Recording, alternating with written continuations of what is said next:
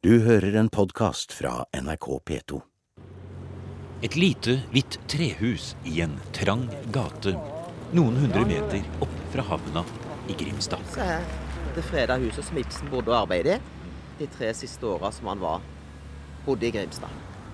Inn i dette huset skal vi for å lete etter spor av en litt annen side ved dikteren enn det som vanligvis trekkes fram. Det er ganske riktig at den unge Ibsen fikk sitt første dikt på trykk mens han bodde her. Og det var på bakrommet til apotekerutsalget han skrev skuespillet Catelina. Inspirert av pensum til latin artium. Men ser vi bare det, blir det som å tolke historien baklengs. Når vi nå i ettertid vet hva 15-åringen som sto med sine reisevesker foran apotekerens hus, hadde i vente, så er det lett å trekke fram det som passer i bildet av dikteren Henrik Ibsen. I virkeligheten var det en helt annen kunstnerisk løpebane den unge Henrik ville prøve seg på. I bagasjen hadde han pakket ned tegneutstyr og malersaker. For allerede hjemme i Skien hadde han i flere år fått privatundervisning av en kunstmaler. Ja, eh, Ibsen fikk faktisk tegneundervisning mens han bodde i Skien av en Mikkel Mandt, eh, kunstmaler fra, fra Telemark. Og han eh, vandret mye rundt i Telemark fylke, tok eh, en del bilder der, bl.a. fra Dalen, ved, kjenner vi et veldig flott eh, maleri. Eh, men han kunne også erte sine venner med å tegne karikaturer av dem.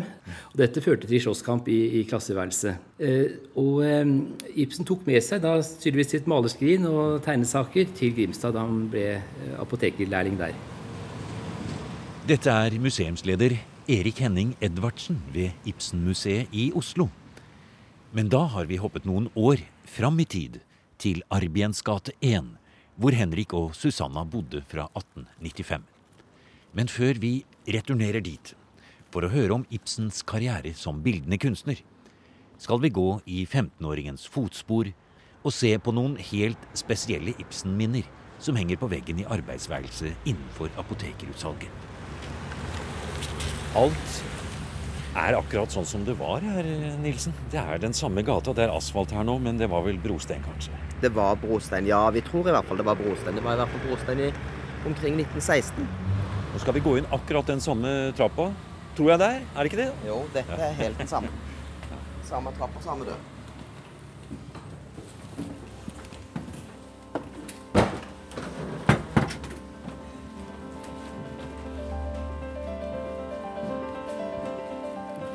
Rolf Erik Nilsen, leder for Bymuseet og Ibsenhuset i Grimstad, tar oss med inn i en annen tid. Her er arbeidsplassen og hybelen til en 15 år gammel gutt som kom hit for 160 år siden, i 1844. Og vårt apotek er antagelig det eldste autentiske apoteket i det Her fikk han i oppgave å stå bak disken og selge medisin, te, såpe, lakris og sukker. Mens han i hemmelighet drømte om å bli kunstmaler, dikter, eller i hvert fall å bli akseptert av byens bedre borgerskap. I de seks årene han bodde og arbeidet her, gikk vel ingen av disse drømmene i oppfyllelse. Og langt mindre kunne noen ane at han en gang skulle stå i bronse foran Nationaltheatret og bli sitert og lest over hele verden 100 år etter sin død. Det var her han bodde og arbeidet, eller i dette første rommet. Der er jo apoteket, det autentiske apoteket, som er, har den innredningen som er det rommet som han arbeider i i disse tre siste åra av oppholdet i Grimstad. Og her var han apoteker og medhjelper. Ja, nå kjenner jeg det lukter når du lukker opp den eh, her, ja. ja og kjenn, Det er en ganske sterk lukt også. Ja, det er det. Ja, kanskje lukten er en del av den stemningen. Du får mye av den stemningen. Vi opplever jo det, det er jo sterkere, eller forskjellig hvordan en opplever det sterkt, men vi merker jo det at folk som har kjent Ibsens forfatterskap over lang, lang, lang, lang tid, og som har gjort seg godt kjent med Ibsens liv, som kommer hit, de, de opplever det her utrolig sterkt. Ta oss med litt inn på bakrommet her. Nå skal vi gå fra apoteket. Der står den gamle ovnen i hjørnet, ja. Og her kommer vi inn i neste rom bak. Og her kommer jo selvfølgelig ikke apotekerkundene inn. Her, var, her er vi inne i leiligheten. Ja, nå er vi inne i det som kalles vaktrommet. Eh, her bodde han. Her arbeidet han, og jeg tror egentlig han hadde det relativt bra. Det er jo ikke stort i forhold til hvordan standarden eh, er rundt oss omkring i dag, men han bodde nå men det var dette bordet her han brukte som, som ar- Dette arbeidsbord. Ja, Ja. Dette bordet, disse Trakk vi fram en liten eh, trestol her. Det var dette bordet og disse stolene. ja. Hvordan hadde han det her? Nei, Det er det jo forskjellige oppfatninger om. Eh, sikkert mange vanskelige stunder, men også fantastiske opplevelser i møte med å finne disse ordene og velge disse setningene. Ja, Hvordan var de ordene igjen, Nilsen? Jeg vet du kan dem. Jeg må, jeg må, så byr det meg en stemme i sjelens dyp, og jeg må følge dem.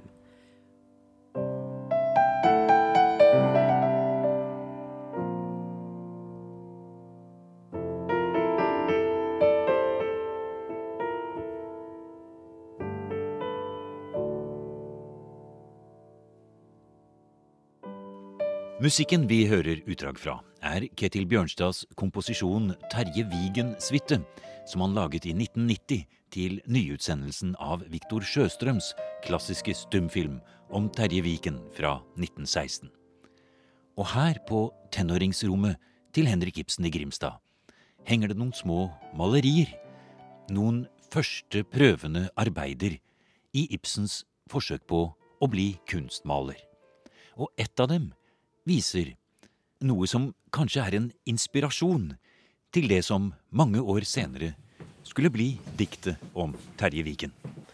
Og det bildet som en godt kan ha fokus på, det er jo losens venn H.Ø., som Henrik Ibsen malte, og som på mange måter kanskje levde et eh, mer likt liv til diktet Terje Vigen, som også er sterkt knytta til Grimstad, enn den personen som ble kalt Terje Vigen ute på Hestnesøy. Så Ja, Fortell litt om det bildet vi ser på nå. Det er ikke så veldig stort. Det er et oljemaleri. Mm, det er et oljemaleri. Og det ble malt her mens Ibsen bodde her.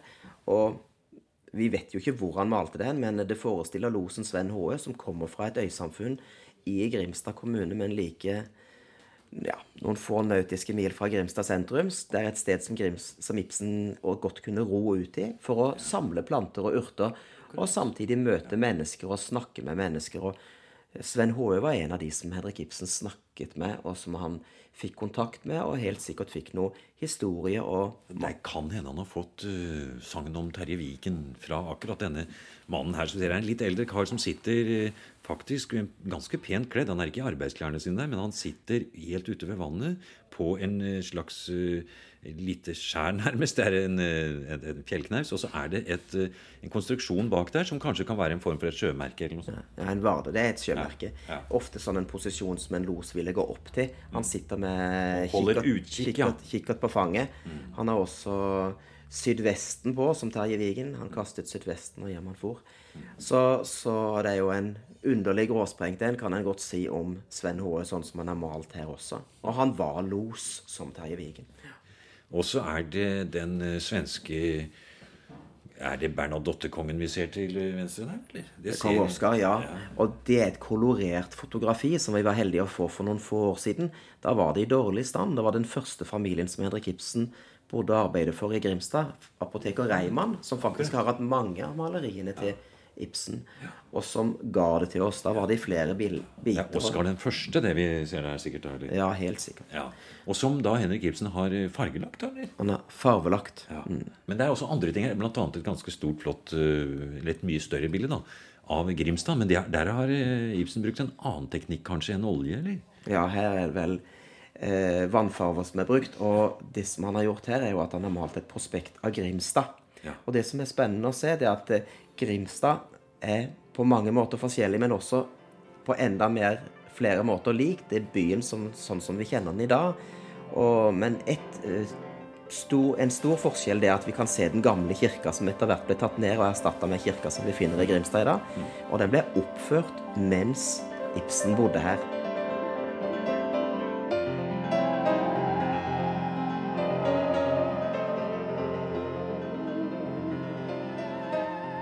Så kanskje henger det forstudier både til Terje Viken og byggmester Solnes på veggen i Henrik Ibsens arbeidsværelse i Grimstad.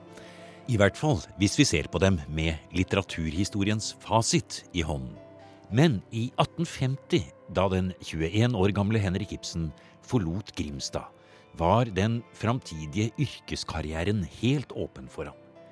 Riktignok hadde han fått antatt et dikt i Kristiania-posten under pseudonymet Brynjulf Bjarme, men det var som illustratør i den trykte pressen, kanskje kombinert med en karriere som kunstmaler og tegner, Ibsen hadde mest tro på, sier Erik Edvardsen på Ibsen-museet i Oslo.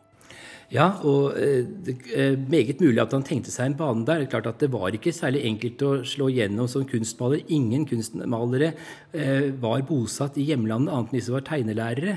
Slik at eh, det stoppet på en måte der også. De som, norske som har gjort det til noe, de bodde i Tyskland alle sammen. Men han hadde i hvert fall en stor lyst til å male, til å uttrykke seg. Og man kan også si at ved å jobbe ved et apotek så hadde man kanskje tenkt på en, eh, en eh, utdannelse i den retningen også, men det kan jo ha vært en trygghet i fall det andre ikke skulle føre frem. En ting som forteller oss at Henrik Ibsen eh, i Grimstad var litt opptatt av dette med å muligens kunne leve av å være maler.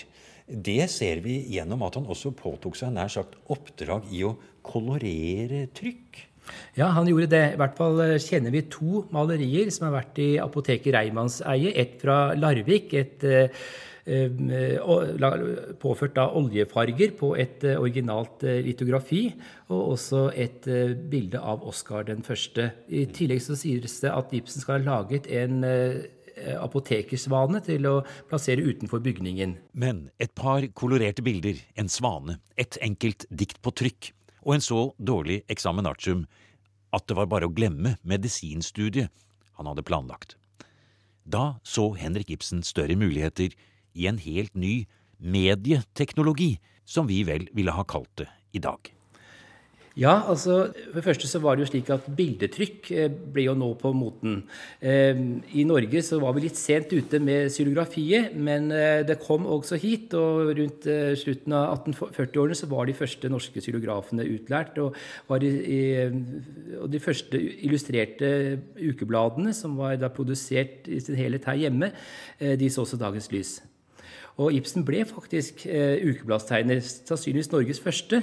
Og Det skjedde da i det ukebladet han utga sammen med sin venn Åsbjørn Olavsson Vinje og Pål Botten Hansen. Og det var Ibsen som var eh, det de kaller kompositøren. altså Han laget da bildene. Det skulle være et uh, ukeblad uten ja. tittel. Vi ser et eksempel ja. på det her i en monter her på Ibsen-museet. Ja, og Der ser vi altså mannen. Han er i ferd med å løpe over Stortorget Kristiania. Vi ser eh, domkirken med det nye Chateau Neufs tårn i bakgrunnen og byens store severdighet, eh, gasslampen Fiat Lux. Ehm, så dette her er et lite bilde fra Kristiania også, men det skulle altså vise mannen i ulike trengte posisjoner med sin avisbunke og, og bykse ut i verden og tilby sine aviser. Men du har jo faktisk en liten tanke om at eh, Ibsen kjempet litt med dette her. Hva han skulle gjøre. Eh, og skulle han bli da en eh, tegner, maler, eller eh, skulle han forsøke å skrive? Og du har eh, arbeidet litt med den eh, tanken, og du har kommet frem til en slags måte hvor disse to forener seg litt, faktisk, disse synspunktene. Ja, jeg kan si at Når han først da begynte også å dikte, altså skrive poesi, så er jo det også å lage Eh, bilder, men av ord. Man lager ordbilder. og denne sammenhengen den, den, eh, den, ser vi tydelig at Ibsen også har begynt med allerede i skjenetiden, men de første kjente diktene de er fra Grimstad. Og etter noe tid, mens han satt og leste i eksamenspensumet sitt, eh, så begynte tankene å fly over noe han kunne lese i latinpensumet, nemlig om Catelina. Og så ble da steget over også da i dramatikken. Og en dramatiker må jo også tenke litt på hvordan ting fremstilles, hva slags kulisser man har, eh, hvordan man bygger opp hele skuespillet. Så Ibsen er på mange måter en veldig visuell eh, forfatter. Eh, og sikkert veldig heldig for ham å ha begynt da som kunstmaler og lært seg også det håndverket vi kjenner bl.a. fra Bergen at eh, Ibsen har malt en masse draktakvareller. da han var teatersjef der? Ja, han var eh, eh, egentlig sceneinstruktør. Og da var jo hans oppgave nettopp å sørge for kulissene og for drakter, og hvordan skuespilleren skulle bevege seg på scenen. Den type ting. Og se her, ja, ja. Og det er altså tydeligvis ting som har vært brukt da som kanskje malt på bakteppet i teatret. Eh, vi har strevd litt med å prøve å finne ut hva slags stykke det kan ha vært malt til. Og aller helst så håper man jo på at det har vært til Ibsens egne stykker. Mm. Vært litt vanskelig å finne frem, men sånne stykker som 'Sankthansnatten' og eh, 'Kjempehøyen', da det ble satt opp igjen, det kan godt ha vært eh, til det. I tillegg så er det da en masse draktakvareller til et av Ibsens stykker som heter 'Olav Liljekrans', hvor han har vært veldig nøye med å avstemme fargene i disse nasjonaldraktene eh, i forhold til hverandre, som skal ved hjelp av fargen også vise sinnsstemning i selve bildene. -hmm. Og så er det jo da, Når vi setter oss litt ned her og ser på en del av de tingene du har her på Ibsen-museet, som Henrik Ibsen da har uttrykt kunstnerisk som billedkunstner, så står det her f.eks. 'Parti nedenfor Kringen', sett fra Solheim i Gudbrandsdalen. Det er fra hans berømte Gudbrandsdalsreise. Da. Men da gjorde han også masse skisser, skjønner jeg? Ja, han eh, var jo også da medarbeider i Illustrert nyhetsblad. men Han hadde fått publisert både tegninger og tekster tidligere bl.a. fra sine turer i Hardanger.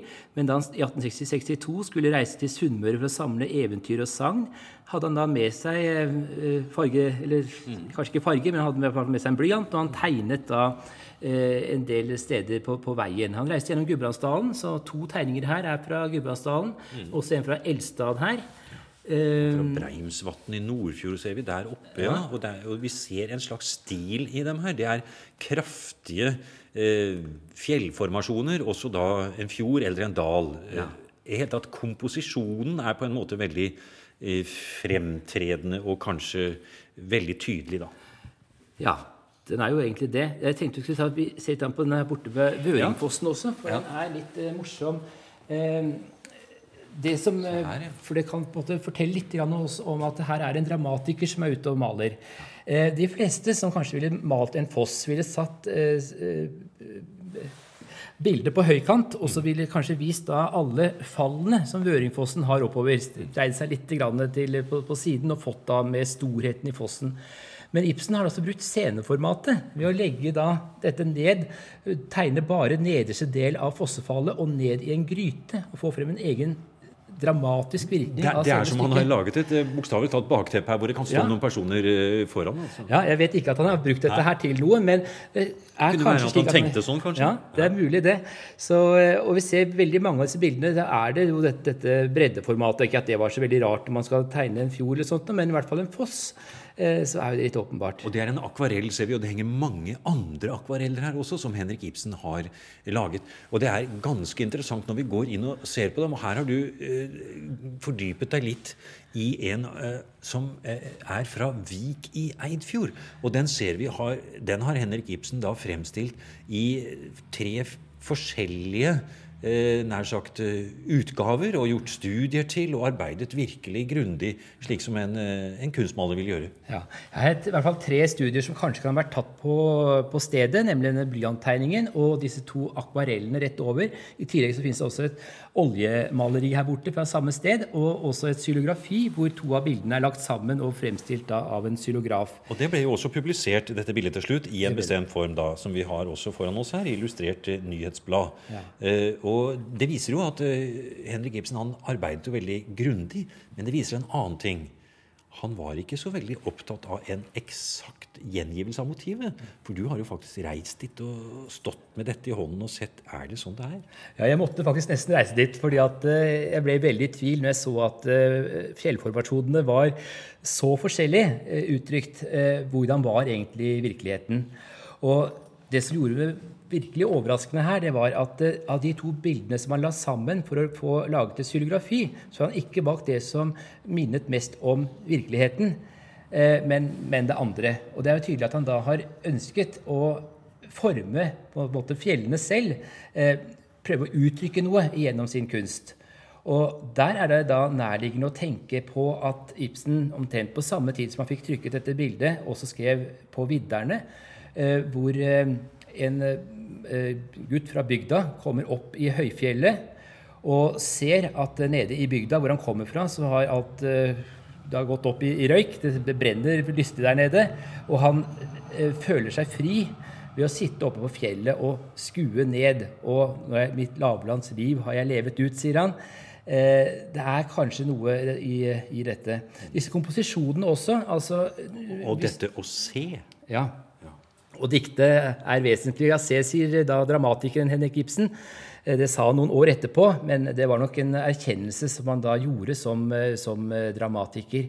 På dette tidspunktet er jo ikke Henrik Ibsen en kjent egentlig og feiret dramatiker blitt ennå?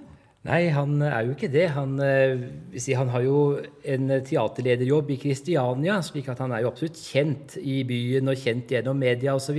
Men han har enda ikke skapt noe av den litteraturen som Eh, har holdt hans navn oppe.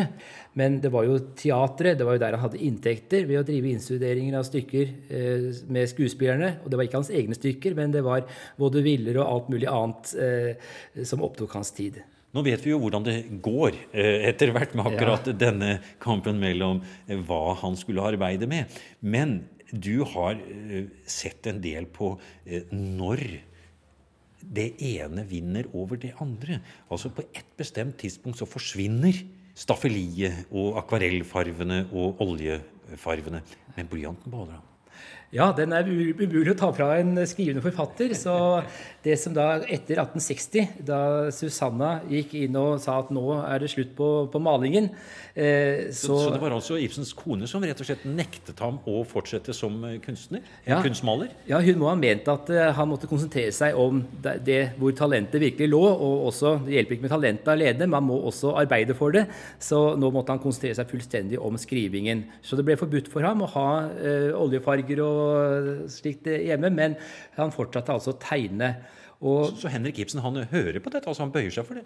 Ja, han gjør det. Han gjør det altså nokså grundig. Han eh, går da også løs på sine tegneblokker og ødelegger dem. Eh, slik at det er jo bare de tegningene som eh, han hadde da gitt bort til andre, som har overlevd. Og de aller første f.eks. maleriene som henger i, i Grimstad f.eks. Ja. Men tegningene de har jo du noen eksempler på her. Ja, det, og det er nesten litt komisk å se at flesteparten av de tegningene han laget etterpå, de er laget da til hans hustru Susanna. Uh, og her ser vi da pengesedler som han har tegnet til henne i ja. forbindelse med fødselsdager, bryllupsdager Gavekort, ja. ja. Og jul. Og det man også ser på tegningene, det er at det er katter og ørner. Og katt og ørn, det var de to navnene han hadde på henne. Uh, han selv var Bjørn. Her kan vi se den her nede også. Til ørn fra bjørn. Men det er tegnet ut både ørnen og bjørnen her nede. Til står det, og så er det tegnet en ørn med en kongekrone. Og fra, og så er det tegnet en, en, en bjørn som går og luntrer. Ja. Så hun måtte altså finne seg i at han da tegnet, og at hun da var gjenstand for eh, Altså vært mottaker av disse tegningene. Men han fortsatte også på en måte i forhold til eh, jeg skal kalle det randtegninger til eh, det han skrev. Eh, og så sent som i 1899 så har han tegnet sin siste tegning, siste kjente i hvert fall. og Det er i forbindelse da med hans aller siste drama, 'Når vi døde vågne', ser vi her borte. Ja. Badeanstalten. Oh, ja. Se her. Der har han tegnet den ut her. Ja. Og så er det et tidlig utkast, fordi her står litt om, om personer i stykket. Ja. Og hvis man bare ser på billedhugger eh, Arnold Rubek Her står det da noen forsøk på å gi han navn også. Stubov, Rambov, professor Erik Stubov, berømt billedhugger. Eh, så det er en litt tidlig fase hvor han prøver å se for seg hvordan skisse som vi ser der. Ja. Og her er Pygynt. Her er da altså tydeligvis eh, tegnet ut for å hjelpe til med iscenesettelsen av stykket. For under har Ibsen da skrevet Han har tegnet altså mor Åse sitter oppe på kvernhustaket, og Per Gynt er på ferd over fjellet her. Ja. Og står det NB. Hun løftes på et bak huset anbrakt stativ. Der kan skytes i været. Kan det være det møllehuset vi ser her fra Vik i Eidsfjord som vi snakket om eh, tidligere? Ja, det, er, det har noen likheter i hvert fall. Ja. Ja. Det, det kommer det. jo ned en elv bak der, ser vi, og det er kanskje et uh, møllehus. Ja. Ja, Det er interessant. Men det er jo da så interessant at det er dette som på en måte har blitt igjen av Ibsens skal vi si, måte å tenke på seg selv som kunstner. Da. Det er disse små skissene ja. som han da gir til sin kone. Mens hele det andre eh, verket, kan vi nesten si, som går på akvareller, etsninger, blyanttegninger og andre ting, det setter han altså en skarp stopper for. Ja. Han eide ingen av sine malerier noe som helst eh, senere. Og eh, Ibs-familien fikk senere tak i to av uh, maleriene til Ibsen, men det var fordi at far til Lillebill Ibsen hadde kjøpt et par malerier på auksjon i Bergen. Og til bryllupsgave så fikk hun da disse to maleriene med seg. Så Ibsen satte altså en skarp grense og konsentrerte seg da om skrivingen videre. Men man kan vel altså si helt avslutningsvis at uh, når vi ser da på de forskjellige maleriene som, og tegningene som Henrik Ibsen eh, laget, så er det jo ikke dårlig, for de er jo ganske interessante på mange måter. Men vi må vel nesten si at de er interessante fordi vi vet at det er Henrik Ibsen som har laget dem. Han hadde nok aldri blitt noe verdensnavn innenfor maleriet. Han hadde nok ikke blitt det innenfor maleriet som han ble innenfor skrivekunsten. Nei, Sønnen Sigurd han sa at man kan jo gripe seg til hodet når man tenker på at han i fullt alvor hadde tenkt å bli kunstmaler. Men øh, Vi får kanskje gi han rett i dette, men det er jo slett ikke dårlige tegninger. Og han har jo også øh, både laget øh, landskaper, han har laget karikaturer, han har malt disse kattene og ørnene og dette her. Så han har vært veldig variert. Eh, og også dette her å være da altså den første som eh, begynner virkelig å gjennomillustrere et ukeblad i Norge. Også det fortjenes da å, å, bli husket på, men de aller fleste av de som tegner samtidig med Ibsen, har også blitt glemt. Man har bare tegningen og vet ikke hvem som har laget det. Du har nå hørt en podkast av programmet Museum fra NRK P2. Og send gjerne en e-post til museum krøllalfa nrk.no.